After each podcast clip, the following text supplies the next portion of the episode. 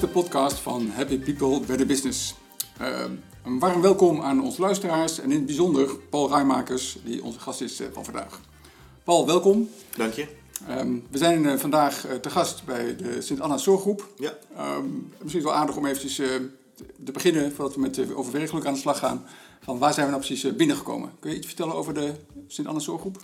Jazeker, uh, Sint-Anna Zorggroep is een, uh, ja, zegt al, zorggroep. Er zijn verschillende onderdelen van de zorg uh, bij ons thuis ingericht.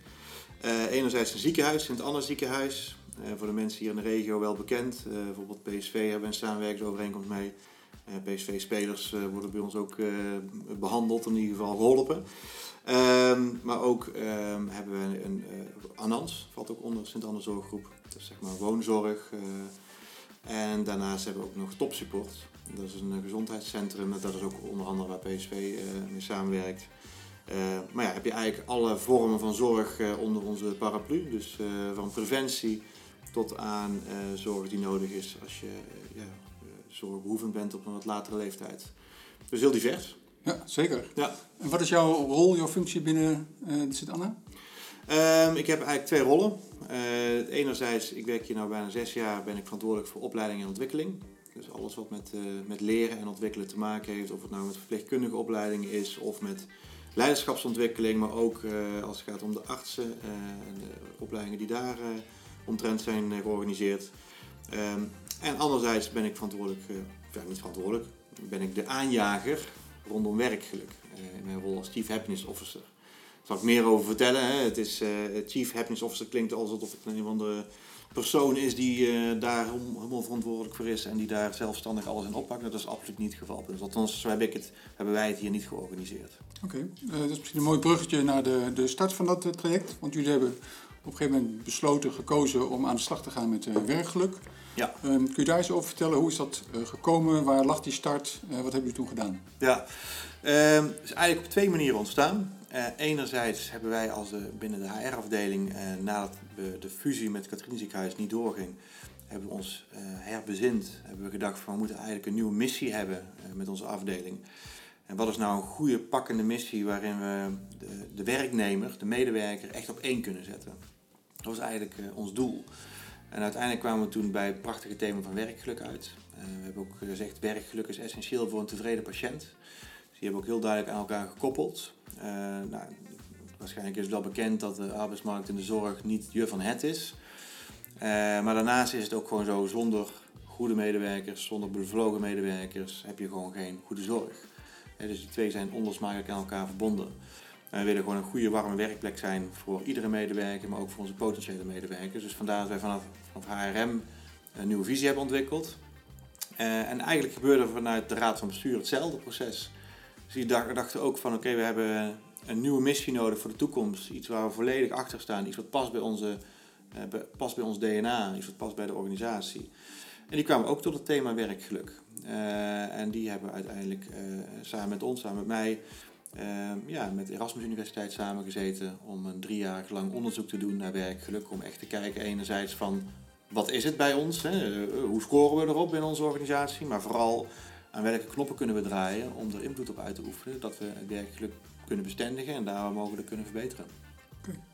En over jullie uh, gedachteproces, uh, je kunt ook kiezen voor meer efficiëntie uh, of strakkere procedures.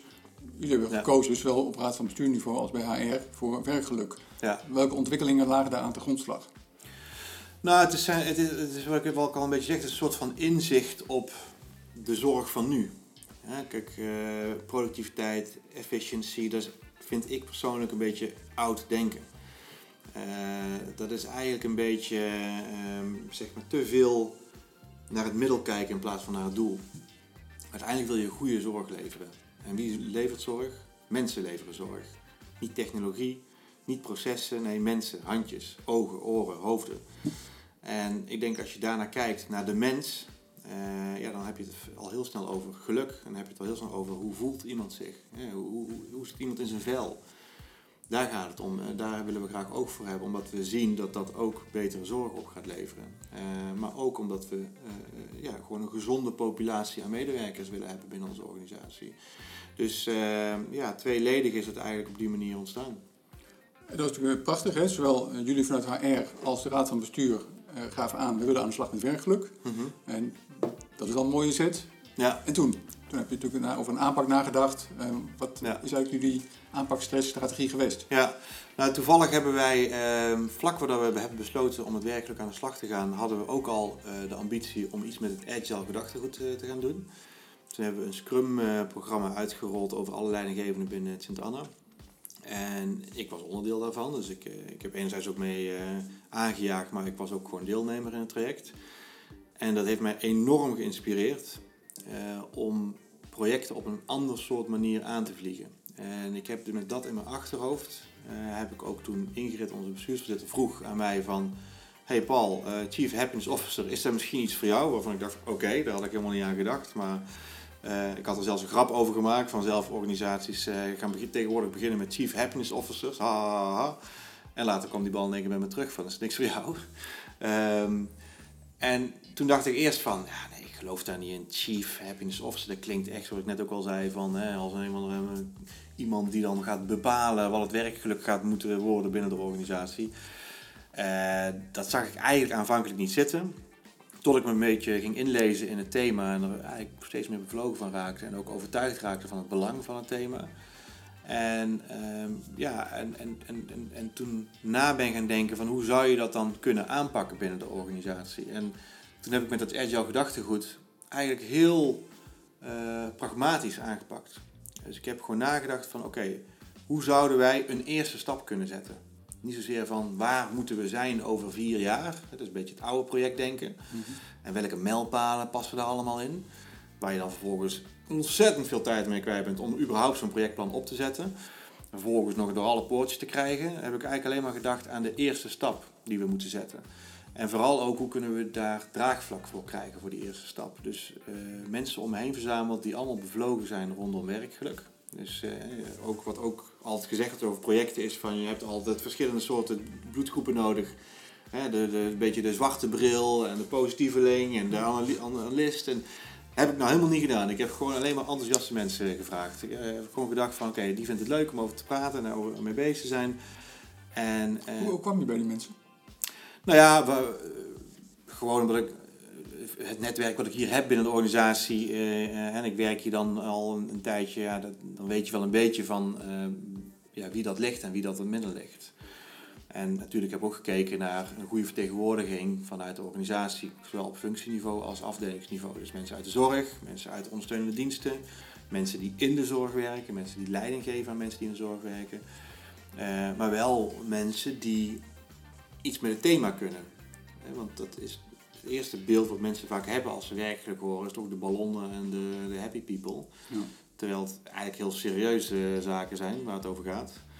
En, maar zo'n enthousiaste groep, de focusgroep werkelijk noemen we die eh, binnen, hier binnen Sint Anna, ja, die heeft er wel mee ge- geholpen om, om op een creatieve manier echt stappen te kunnen zetten. En ook echt op, met heel veel energie een missie eh, op te starten. En dat doen we nog steeds nu. We komen één keer in de twee weken samen en wel in wisselende samenstellingen, maar ook zonder agenda, zonder concrete doelstellingen, maar gewoon van jongens, hoe kunnen we ervoor zorgen dat we de focus op werkgeluk geluk in stand houden en welke ideeën kunnen we bedenken om dat verder zeg maar eh, eh, uit te rollen. En natuurlijk ook met de onderzoeksresultaten van Erasmus in onze achterzak kunnen we daar vrij effectief steeds weer nieuwe dingen in bedenken.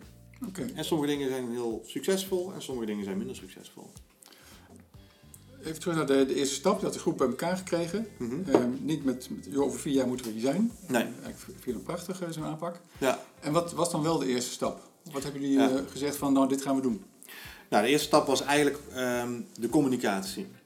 Ehm, we zouden gaan starten met een Erasmus-onderzoek, dus drie jaar. En we zouden gaan starten met een Chief Happiness Officer. Dat waren eigenlijk twee belangrijke boodschappen die we op een goede manier eh, binnen de organisatie kenbaar wouden maken. Eh, wetende dat als je dit thema niet goed lanceert, dat je dan te veel sceptici hebt. Want in een tijd dat de, dat de druk hoog is op de zorg, wordt er al snel gezegd van eh, werkgeluk, er moet gewoon gewerkt worden. Er wordt overigens nog steeds wel gezegd, maar we wouden dat dat zo min mogelijk gezegd werd en dat mensen eh, zagen en begrepen waarom we hierin gaan investeren. En dat is vooral gewoon heel simpel de boodschap. Wij vinden jouw werkgeluk belangrijk. Punt. Zo simpel is de boodschap. En die bouwen we goed overbrengen. Dus we hebben ook echt daar goed over nagedacht. Hoe lanceer je nou zoiets? En ehm, normaal gesproken, op dat idee kwamen we ook van, ga je een, een bijeenkomst organiseren. En nodig je allerlei mensen vooruit, medewerkers, iedereen. En dan gaat de bestuursvoorzitter iets zeggen. En ik zeg dan iets als Chief Happiness Officer. En je laat wat andere mensen iets zeggen. En huppakee, applaus, ja, we gaan aan de slag. Nou, wat fotootjes van maken. En dat is eigenlijk een beetje de klassieke manier hoe je iets opstart. En dat was ook ons aanvankelijke idee. Want toen dachten we van, ja, dat gaat, nee, dat gaat niet werken. Want dan, bereiken we alleen maar de mensen die het sowieso al zien zitten. En die uh, het ook even van de, van de werkvloer af kunnen. er zijn mensen uit de zorg vaak niet, dus dan heb je alleen maar weer de managers die dan komen.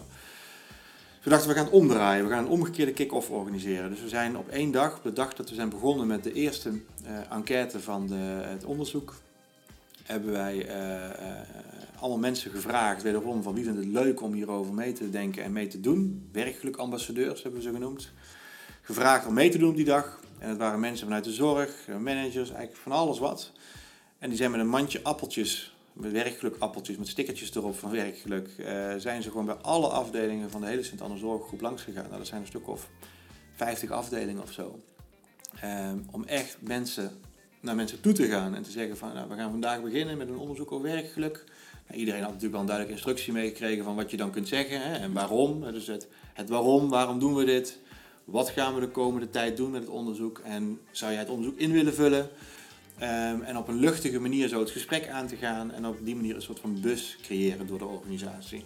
Dat was het doel en dat was ook gelukt. Uh, ze hebben op die manier op een laagdrempelige manier veel mensen kunnen bereiken en een positieve bus uh, kunnen creëren. Ze hebben ook aan de mensen van de Raad van Bestuur en het MT gevraagd van, om ook met een mandje appeltjes rond te gaan. Dat hebben ze ook gedaan. Mooi.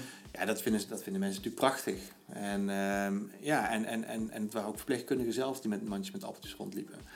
En dat was een hele mooie, charmante manier om het op te starten. En daarna zijn we natuurlijk via eh, de interne communicatie hebben we duidelijk uitgelegd uh, hoe en wat.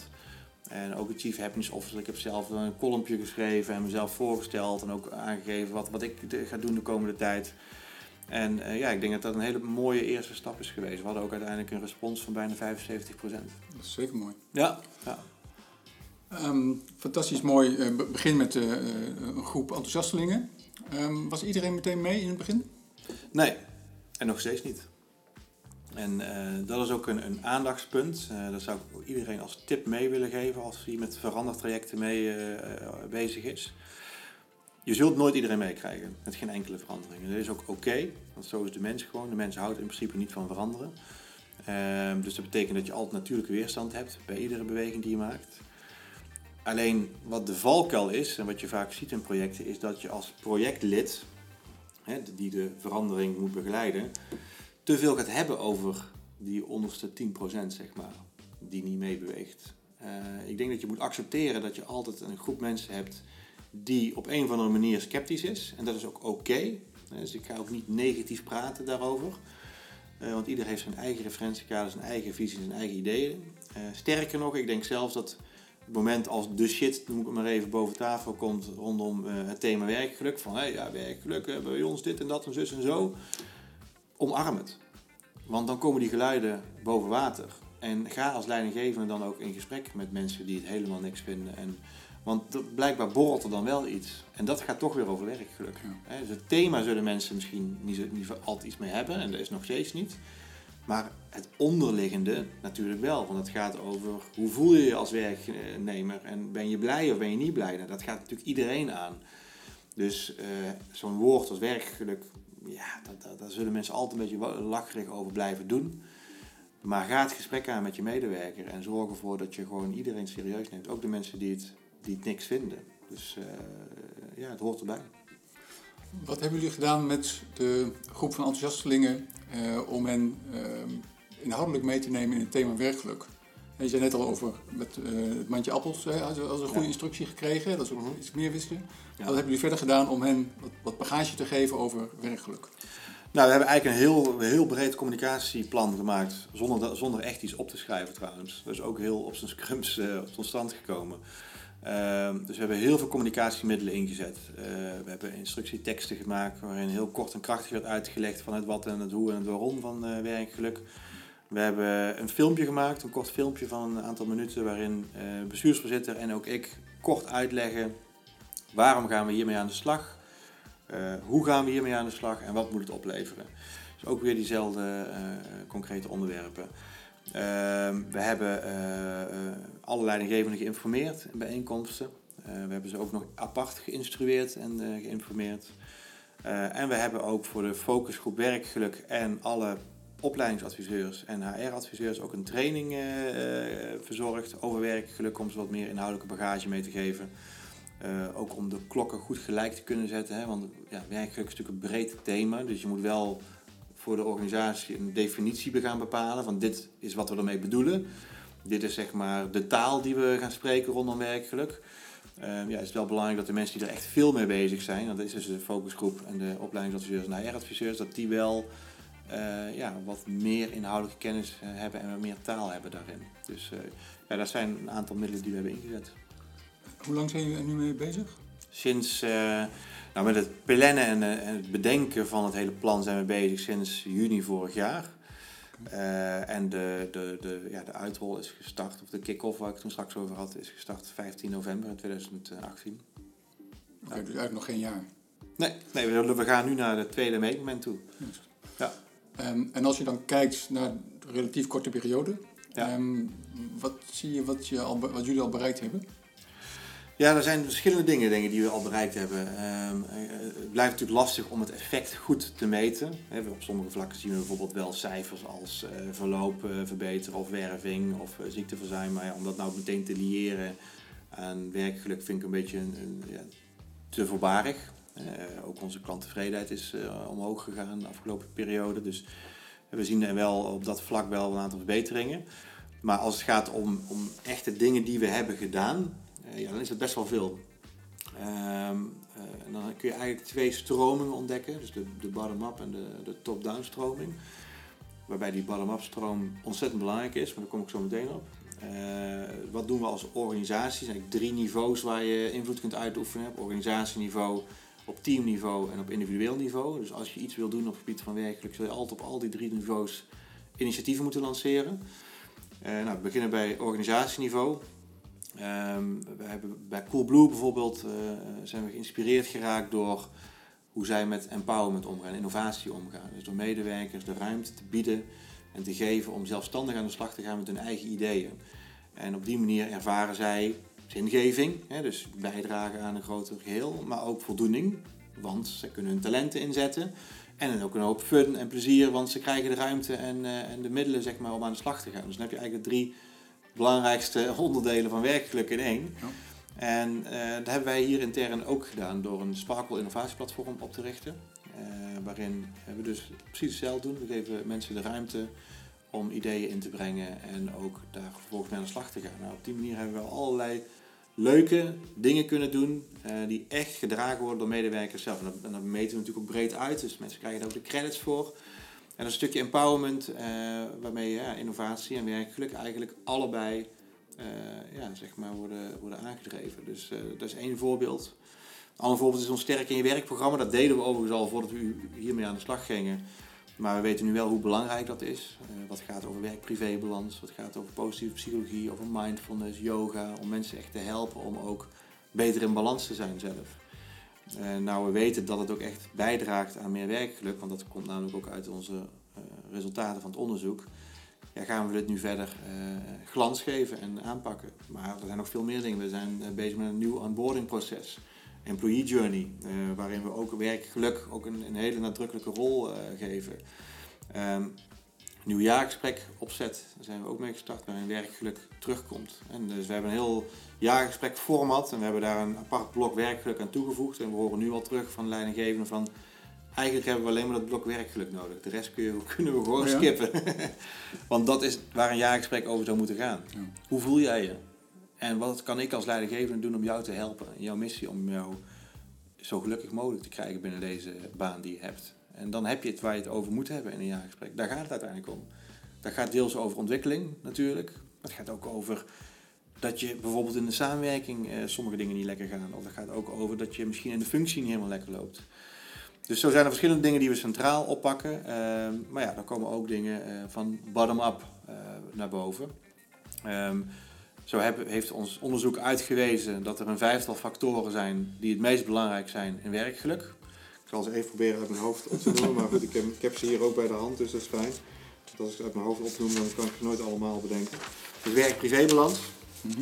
Ehm, inhoud van het werk, uitdagingen in het werk, eh, autonomie en inspraak, de relatie met de leidinggevende en werksfeer steun collega's. Dus dat zijn de vijf meest beïnvloedende, eh, de vijf, de vijf factoren die het meest eh, werkgeluk beïnvloeden binnen Sint-Anna. En op basis daarvan hebben we gezegd eigenlijk tegen de teamsmedewerkers van oké, voor jouw team, ga nou eens bedenken of jij een van die vijf factoren kunt verbeteren met een willekeurige actie. Mag alles zijn wat je maar kunt bedenken. En er is budget beschikbaar. Dus we hebben teams de volledige vrijheid gegeven om zelf iets te bedenken per team om aan, mee aan de slag te gaan. Nou, wij dachten dat we de meest gekke, bijzondere dingen gingen horen van eh, het inrichten van allerlei dingen en eh, hoge budgetten die aangevraagd zouden worden. Maar uiteindelijk bleek dat hele eh, ja, dingen die echt gericht zijn op werken en samenwerken, dus werkprocessen en samenwerkingsprocessen, dat die het meest genoemd werden. Zoals bijvoorbeeld zelfroosteren en dagstarts en weekstarts. En bijvoorbeeld zes of nee, zeven of acht teams hebben gezegd van we willen aan de slag met zelfroosteren om het werkgeluk te verbeteren binnen onze afdeling. Nou, dat is natuurlijk, als je daarover nadenkt, vrij logisch. Zelfroosteren betekent meer autonomie, betekent meer vrijheid, maar betekent ook beter samenwerken. Want om dat te kunnen doen moet je heel erg elkaar iets gunnen. Want we hebben al mooie voorbeelden in onze organisatie. En dat werkt dus ook echt. En mensen zijn daar ook gelukkiger, want dat zien we ook aan de eerste meting. En we hebben iemand beschikbaar kunnen stellen om ook echt te ondersteunen daarin. Dus teams die aan de slag gaan met zelfrooster, die worden nou geholpen daarmee. En op die manier zie je dus heel concreet iets ontstaan onderop. Wat in principe, zou je zeggen, niks met werkgeluk te maken heeft. Hè, want heel veel organisaties gaan ermee aan de slag. Maar wij labelen het echt eh, als ook zijnde van dit doen we voor onze medewerkers. Dit doen we niet om efficiëntere planning te maken en om minder uren kwijt te zijn eh, aan planning. Dit doen we om onze medewerker beter te laten voelen. Dus het is een andere insteek. Ja, heel mooi. En, eh, ja, en dat, dat, dat gaat waarschijnlijk echt iets opleveren, denk ik, ook voor het werkgeluk op die afdelingen. Ja. Ik begrijp dat het eigenlijk heel kort is, hè, want ze zijn in november gestart. Eh, prachtig wat voor resultaten jullie eigenlijk nu al eh, hebben behaald. ja, dankjewel. Ehm, als je eh, even op iets van afstand naar gaat kijken, wat heb je eigenlijk van geleerd? Wat zijn jullie inzichten van het proces tot nu toe?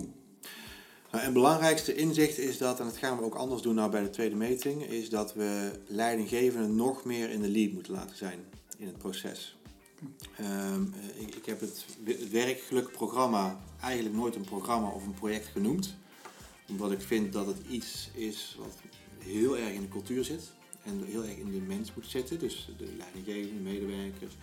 Dat het niet een soort van project ergens moet zijn wat draait en waar dan mensen af en toe naar kijken van nou even kijken wat het project nog gaat opleveren.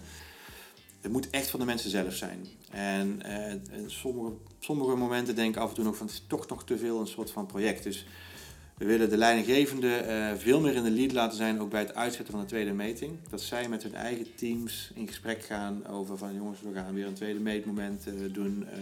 Wat vinden jullie ervan? En gewoon het gesprek aangaan. En dat, dat de leidinggevende het programma ook draagt. En dat wij ook eigenlijk minder nodig zijn om dat aan te jagen.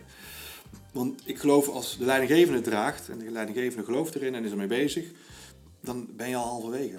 Want je ziet ook terug in dit eh, onderzoek, een relatie met de leidinggevende is cruciaal.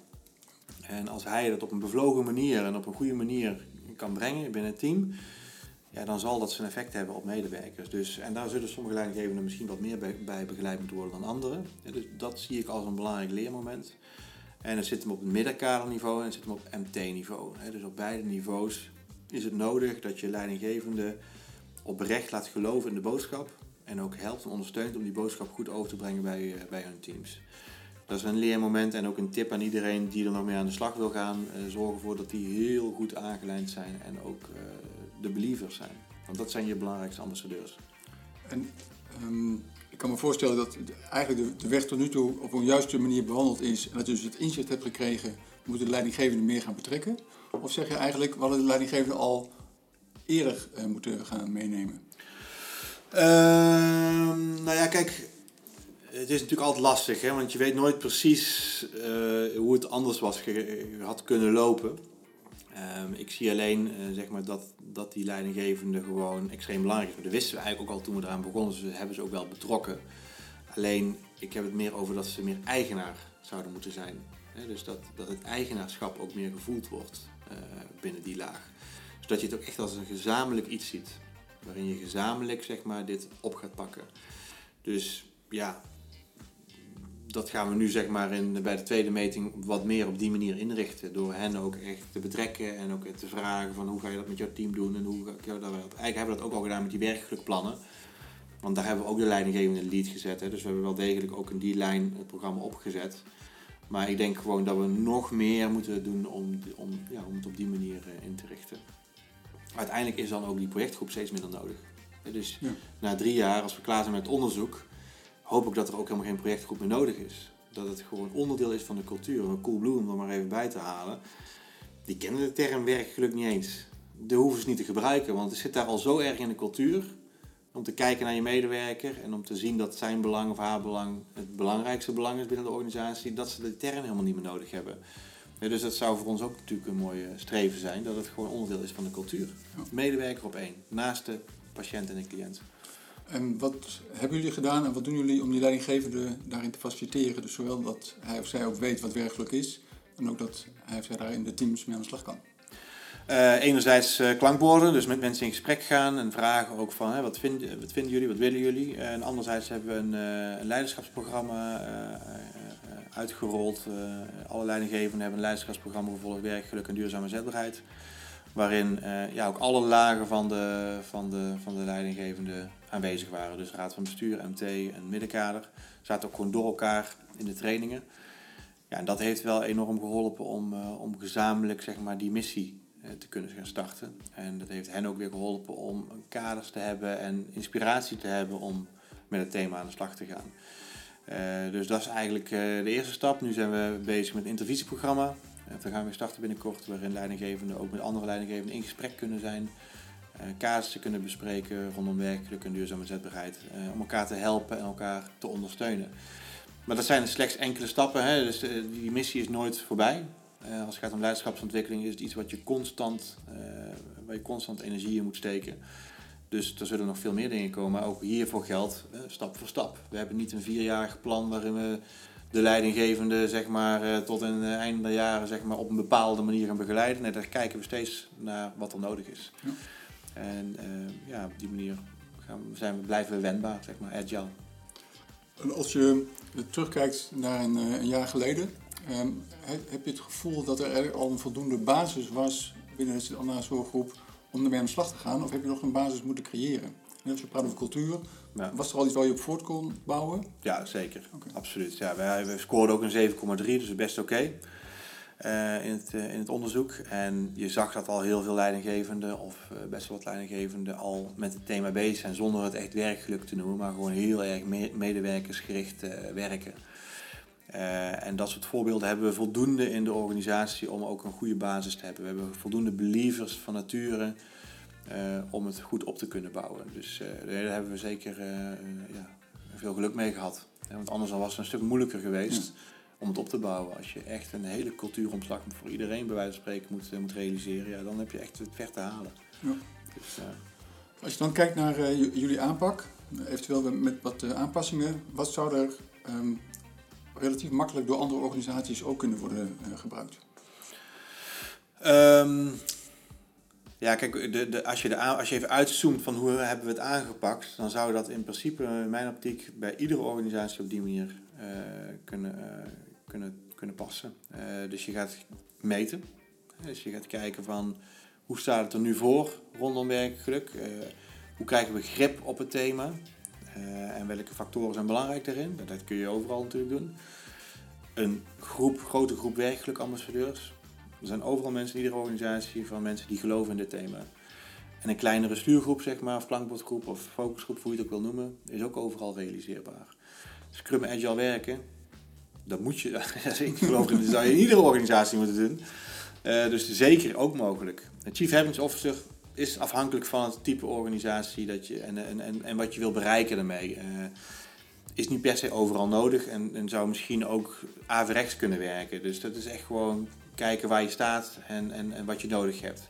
Maar een karttrekker heb je denk ik wel nodig. Je hebt, je wel iemand nodig die de boel zeg maar, elkaar praat en, uh, en, en op bevlogen manier zeg maar, anderen kan overtuigen van het belang van het investeren in zo'n thema als werkgeluk. Uh, maar dat is ook natuurlijk ja, iets wat je overal kunt en zou moeten doen. Dus ik, er zijn eigenlijk geen elementen in het programma die je kan bedenken van die zijn niet toepasbaar bij andere organisaties. Want ook de bottom-up approach die we hanteren, dus, hè, dus teams zelf laten nadenken over werkgelukacties, ja, dat is ook overal toepasbaar. Dus uh, ik denk dat het, dat, het, dat het overal zou werken. Ja. Hoe cruciaal is naar jouw mening de rol van de Raad van Bestuur geweest? Ja, die is uh, zeer cruciaal. Uh, ja, onmisbaar eigenlijk. Dus het moment als de raad van bestuur er niet in gelooft, of het maar ziet als een een of ander projectje waar ze dan een stempeltje op zetten en er verder rest niks mee doen, dan gaat het niet van de grond komen, want dan zullen medewerkers uh, uh, er niet altijd in geloven. Dan denken dan van ja, werkgeluk zal allemaal wel. Hè. Uh, ik zie het niet, ik, ik, voel het niet. En om medewerkers er echt in te laten geloven, dan zul je ook echt de beleidsbepalers zeg maar, uh, ook moeten laten uitspreken dat ze er echt in geloven. En ook laten zien dat ze er echt in geloven door daar ook naar te handelen. En wij hebben het geluk met twee bestuursleden die daar allebei heel erg in geloven. En dat, dat zeggen ze ook regelmatig. Hè? Dus af en toe als er een keer een praatje is, dan komt het altijd wel een keer aan bod.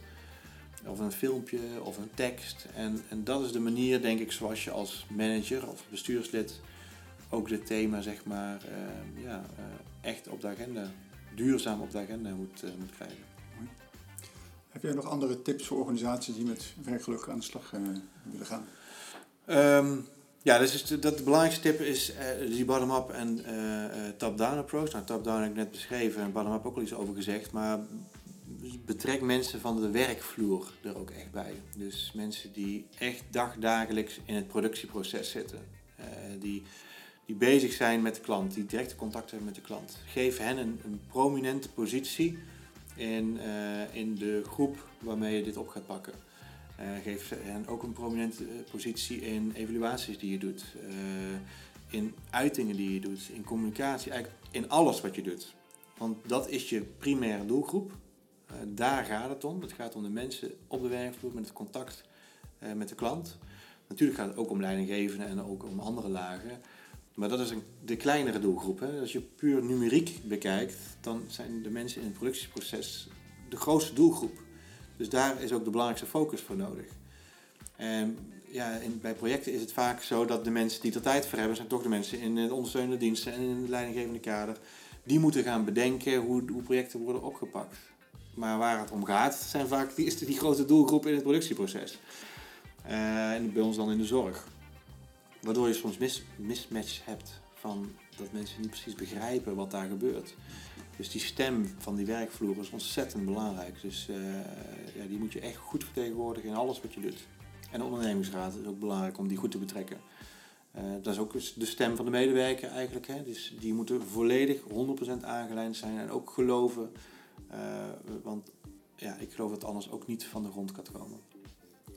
Mooi. Um, even als laatste naar jou. Uh, jij zegt, hebt, je hebt de rol van Chief Happiness eh, Officer opgepakt. Um, wat zie je eigenlijk als de. Hoe heb jij die, die rol ingevuld als Chief Happiness Officer? Ik zie het echt als een tijdelijke rol, een kwartiermakersrol.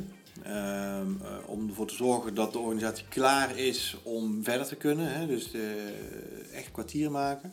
Maar ook een verbindende rol. Uh, dus uh, je ziet in deze organisatie, in iedere organisatie, gebeuren er allerlei prachtige mooie dingen op lokaal afdelingsniveau. Maar die blijven vaak daar. En ik zie het als mijn rol om die dingen boven water te halen, best practices te laten zien, zodat andere afdelingen daar ook van kunnen mee genieten en ook geïnspireerd kunnen raken om daarmee aan de slag te gaan. Dus we hebben bijvoorbeeld uh, sessies georganiseerd op een werkgelukdag. Dat, de teams die het beste scoren in, in die vijf thema's die ik eerder heb genoemd, hebben gevraagd van nou ga eens vertellen op de zeepkist waarom jij denkt dat je er zo goed in scoort. Nou, medewerkers van de werkvloer hebben op de zeepkist gestaan, hebben verteld waarom zij denken dat ze goed scoren. En dat is een hele inspirerende manier om uh, kennis te delen. En uh, enerzijds ook om mensen een podium te geven natuurlijk, uh, de aandacht te geven die ze verdienen. Maar anderzijds ook om anderen te inspireren en op die manier ja, dat vuurtje rond te laten gaan. Uh, we hebben er ook filmpjes van gemaakt die we, de mensen toen niet bij waren, konden laten zien. Uh, we hebben een inspiratiebijeenkomst georganiseerd met, toen we eenmaal de werkgelukplannen hadden. met de acties rondom zelfroosteren en dagstarts hebben een aantal mensen ook gevraagd van nou, vertel eens hoe jullie dat dan doen. Dus het kennis delen en verbinden is een belangrijke rol. En aanjager, dus zie ik mezelf ook. Dus mensen helpen om met dingen aan de slag te gaan en op gang helpen om met dingen aan de slag te gaan. Dus die drie subrollen zie ik eigenlijk voor mezelf weggelegd in de Chief Happiness Officer rol. En ja, nogmaals, tijdelijke rol. Dus ik, uh, ik geloof niet in dat het per se een functie zou moeten zijn, maar het is een, iets wat nodig is om iets op te bouwen en iets op te zetten. Mooi. Paul, dankjewel. Graag gedaan. We zijn hiermee aan het einde van de podcast gekomen. Uh, ik ja. vond het buitengewoon interessant om uh, te horen hoe jullie als Sint-Anna Zorggroep ermee aan de slag zijn gegaan. Hoe jij ook als persoonlijk als Chief Happiness Officer, welke rol je erin hebt gespeeld en hoe je dat hebt gefaciliteerd. Ja, dank je. Top. Leuk om te vertellen altijd, dus geen probleem. Dankjewel. Jo, graag gedaan. Happy people.